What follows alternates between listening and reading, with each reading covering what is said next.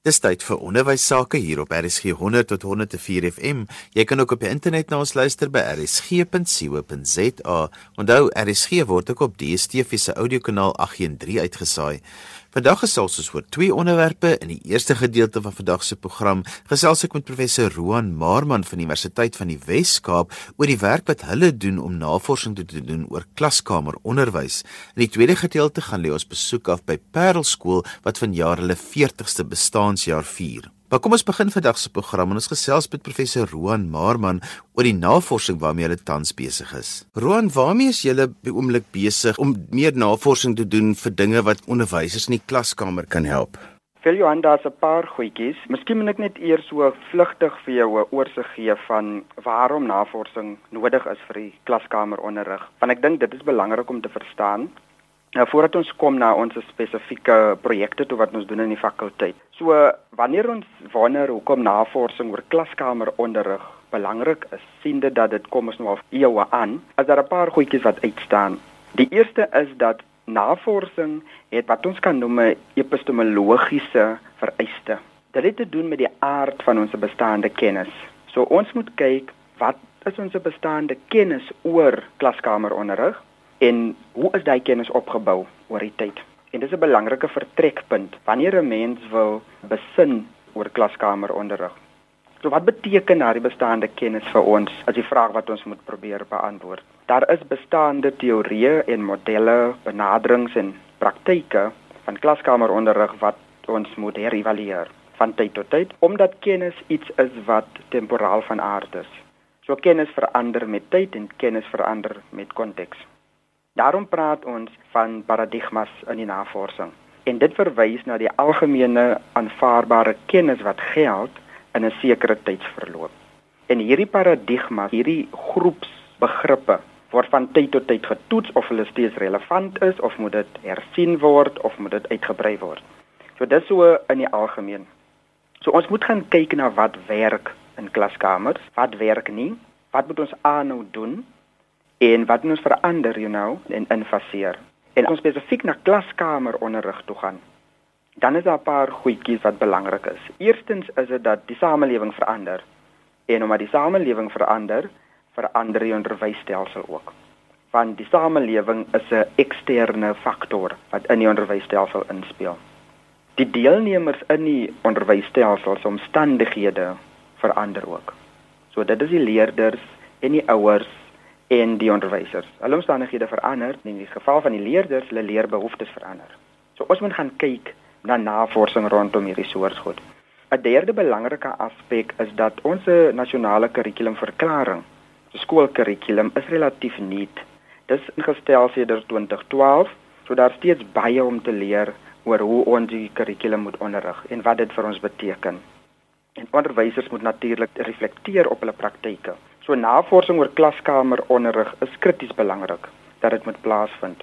Ons moet ook nie vergeet nie dat almal wat in ons klaskamer sit, het sekere talente en vermoëns alreeds en skole het dus daardie morele verantwoordelikheid om daai talente te ontwikkel. So dis hoe in 'n netedop oor waarom navorsing krities belangrik is vir klaskameronderrig vir onderwysers. As ons na jou vraag toe gaan oor wat ons in ons fakulteit doen, is daar hele verskeidenheid van goed wat ons doen. Maar wat belangrik is om te noem is ons benadering tot ons navorsing.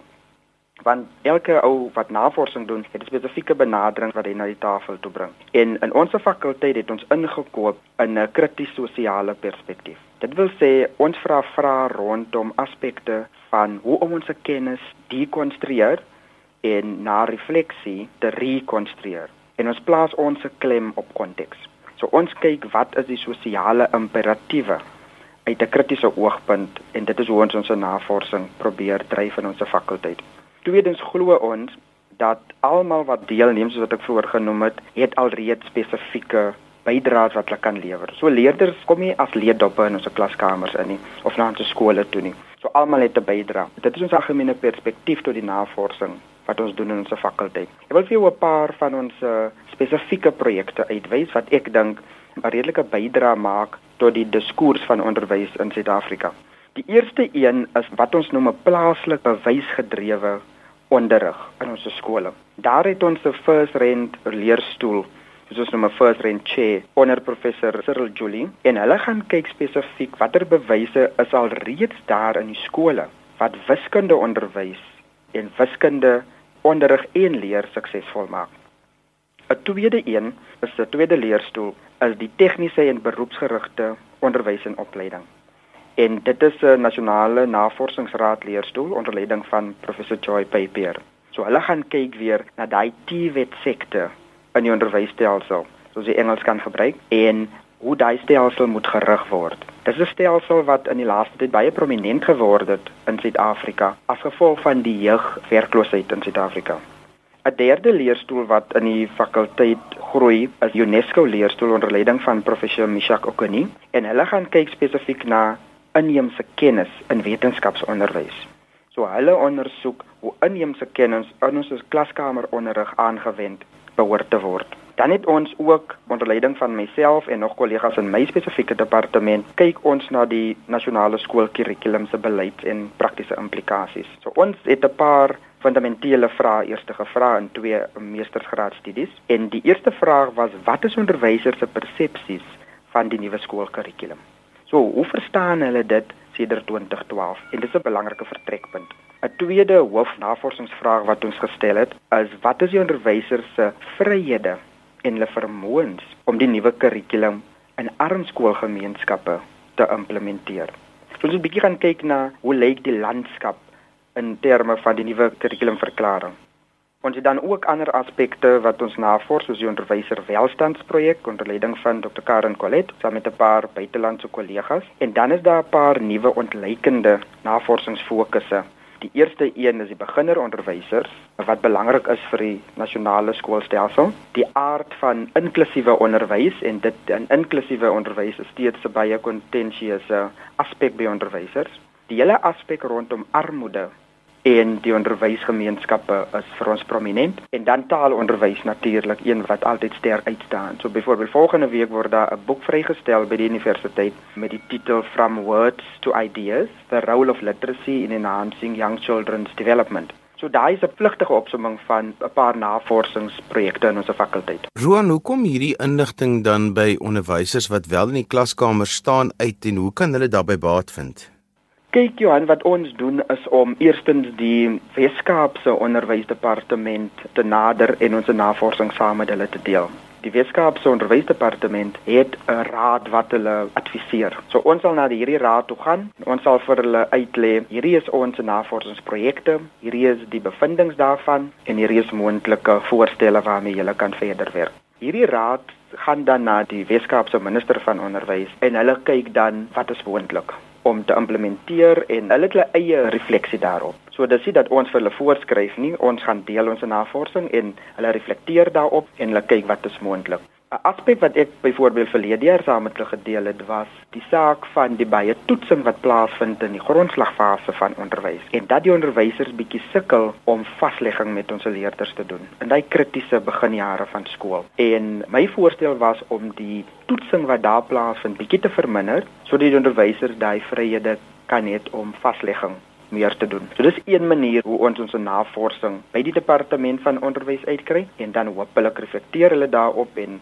implementeer dit in die skole. Want ons navorsing kom uit die skole uit. Dit is wat die onderwysers vir ons sê, dit is wat die toetsuitslae vir ons wys en ons baseer ons navorsing daarop. Ek dink daar's 'n paar belangrike goedjies ook in terme van wat ons navorsing wel vir onderwysers wys. En ons navorsing bevestig sekere goed wat onderwysers alreeds goed doen want ons het baie voorbeelde van suksesvolle klaskameronderrig in die provinsie byvoorbeeld waar ons werk en in die res van Suid-Afrika ook. So ons bevestig sekere goed en dan is daar ook nuwe goed wat ons graag met onderwysers wil deel. As ek net flissies kan raak aan die goed wat ons bevestig, wat ons in navorsing bevestig. Is dit goed soos dat leerders moet die relevantie van hulle kennis verstaan. Hulle moet verstaan waarom leer hulle sekere inhoud in 'n les. En wat belangrik hier is is dat onderwysers moet hulle breine bietjie toets tydens die lesse. En ons noem dit knowledge puzzles waar leerders scenario's gebied word om van sin te maak en hulle moet dan hulle eie bydrae kan lewer tot oplossings van sekere scenario's. En dit kan gedoen word in alle moontlike vakke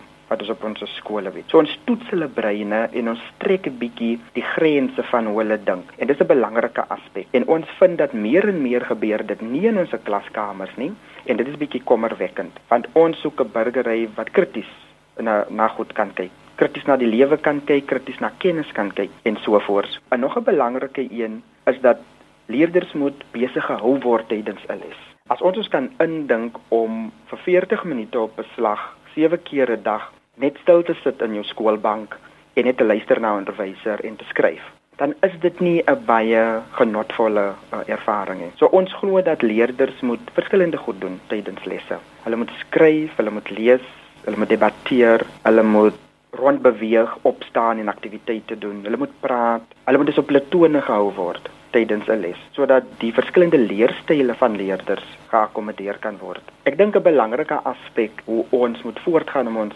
navorsing uit te dra aan Suid-Afrika is dat ons met die nasionale ministerie van onderwys baie meer betrek by navorsing.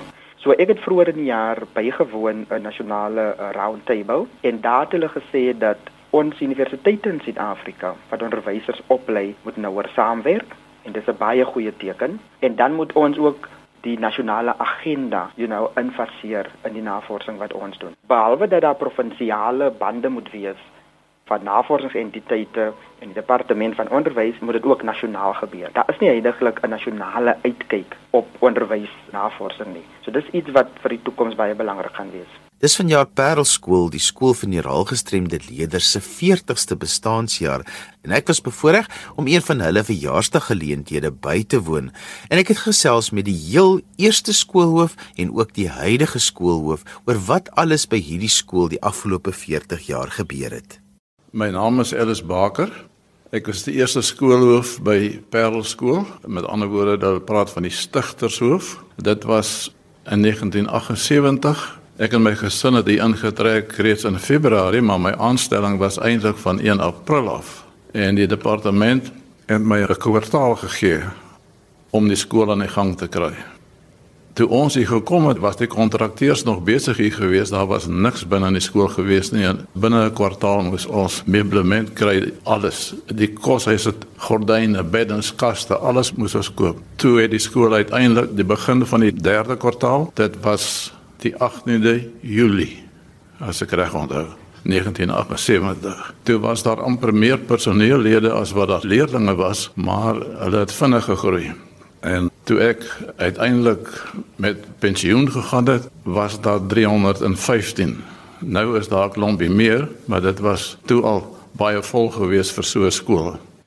Wat het julle besluit om by 'n skool soos hierdie te kom skoolhou en om die skoolhof te wees? Ek was by al die verskillende skole. Ek was by Hoër Tegniese Skool, 'n gewone hoërskool, toe by 'n nywerheidskool. Ek weet nie of die nywerheidskole nog bestaan nie, maar dit was die die sorgbehoevende kinders gewees. Dit was op standaard onderwys. Ek het op Stellenbosch studeer, maar die departement het my toe 'n pos aangebied by 'n tegniese skool in Benoni.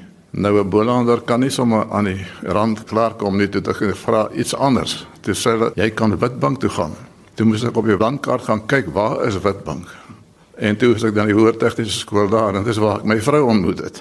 Maar daarvandaan af is ek eers weer terug Kaap toe en toe is ek weer terug Standerton toe na die nywerheidskool toe en daarvandaan af toe na die Brown skool vir serebraal gestremde kinders in Pinetown.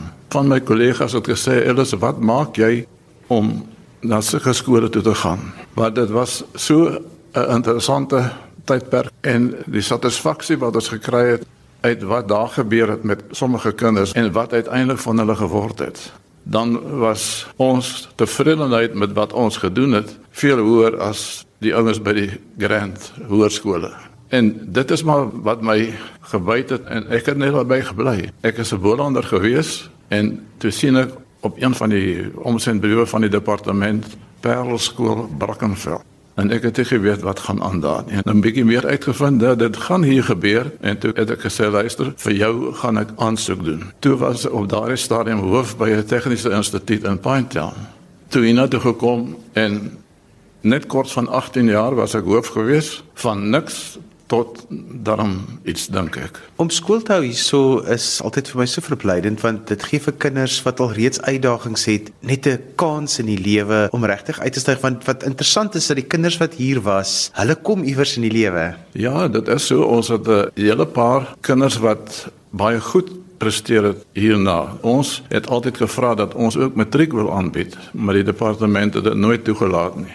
En die kinders van hulle is terug na die hoofstroomskole toe. Dis na standaard 7. Ons kon nie verder as standaard 7 gaan nie. Of na Jan Kriel skool in Kuilsrivier wat matriek gehad het wat ook buitengewone onderwys was. En hoeveel van daardie kinders het suksesvol hulle matriek geslaag daar en ook in hoofstroomskole universiteit toe gegaan?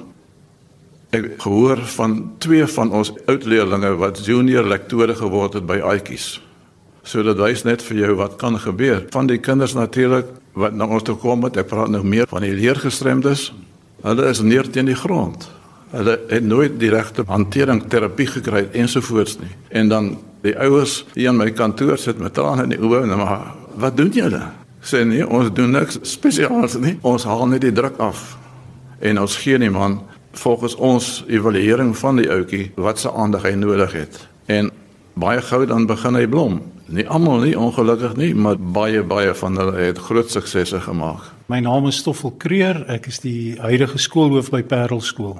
Stoffel, hoe het spesiale onderwys verander en wat is julle uitdagings wat julle op die oomblik ervaar in 'n skool soos hierdie? Sjoe, ja, ek dink die transformasie in onderwys was geweldig na 94, maar selfs voor dit in die begin 90er jare het skole soos Parelskool uh, sy deure begin oopmaak vir verskillende ander diagnoses, nie net serebraal gestremdheid nie. Tans bedien ons leerders wat serebraal gestrem, fisies gestrem en natuurlik ook spesifiek leergestremd is. Ons uitdaging is om die dienste lewer wat jare terug gelewer is en dit kom neer dat ons heelwat fondse benodig om dit te maak gebeur. Personeel is 'n uitdaging. Die personeel wat in die verlede gespesialiseer het in hierdie tipe onderrig is bitter skaars. Mens kom moeilik aan hulle en dan ook die feit dat die profiel van ons leerders het totaal en al verander en ons sit op die oomblik met 'n derde van ons skool wat eintlik rolstoelleerders is uit 350 leerders wat 'n geweldige druk op ons plaas en natuurlik het ons 15 bussie roetes wat so 1300 km per dag af lê, sover as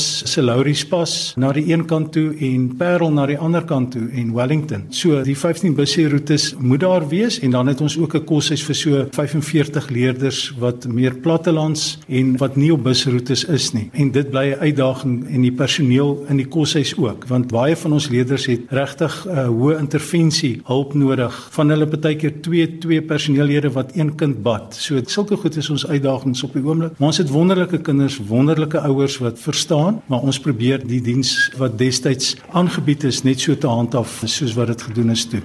Baie mense het altyd hierdie persepsie gehad dat jou kind eindig op in die ou ende by Parelskool asof dit 'n doodloopstraat is, maar jy het baie gedoen om te sê dis eintlik vir baie kinders die begin van hulle regte ontwikkeling en om op die pad van sukses te sit. Absoluut. Ek dink meneer Baker het gesê wat ons doen is ons haal die druk van die leerders af met terapeutiese ingryping, met gespesialiseerde onderwysstrategieë en tegnieke. Is dit hier waar die kind weer tot sy reg kom en ons sien ook groot suksesverhale van ons kinders na graad 9 wat in die akademiese stroom is, gaan terug hoofstroom toe, baie klein hoeveelheid van hulle getal. Die meerderheid gaan Jan Kriel toe waar hulle geleentheid kry om 'n gewone matriek ook te skryf en te slaag en Parelskool se leerders doen baie baie goed. En dan het ons natuurlik ons praktiese baan en dit is waar ons 'n vaardigheid vir die leerders leer en aan die een kant probeer ons ons bes daar, maar die hartseer is na die ouderdom van 18 is daar van die leerders wat nie geplaas kan word nie weens verskillende omstandighede, maar ons help ook daar en ons het 'n afgesonderde terapeut wat kyk na die ouetjies hierso klaarmaak met Parelskool geplaas te kry by sentrums en ander plekke van diens, beskermde diens en beskermde werk.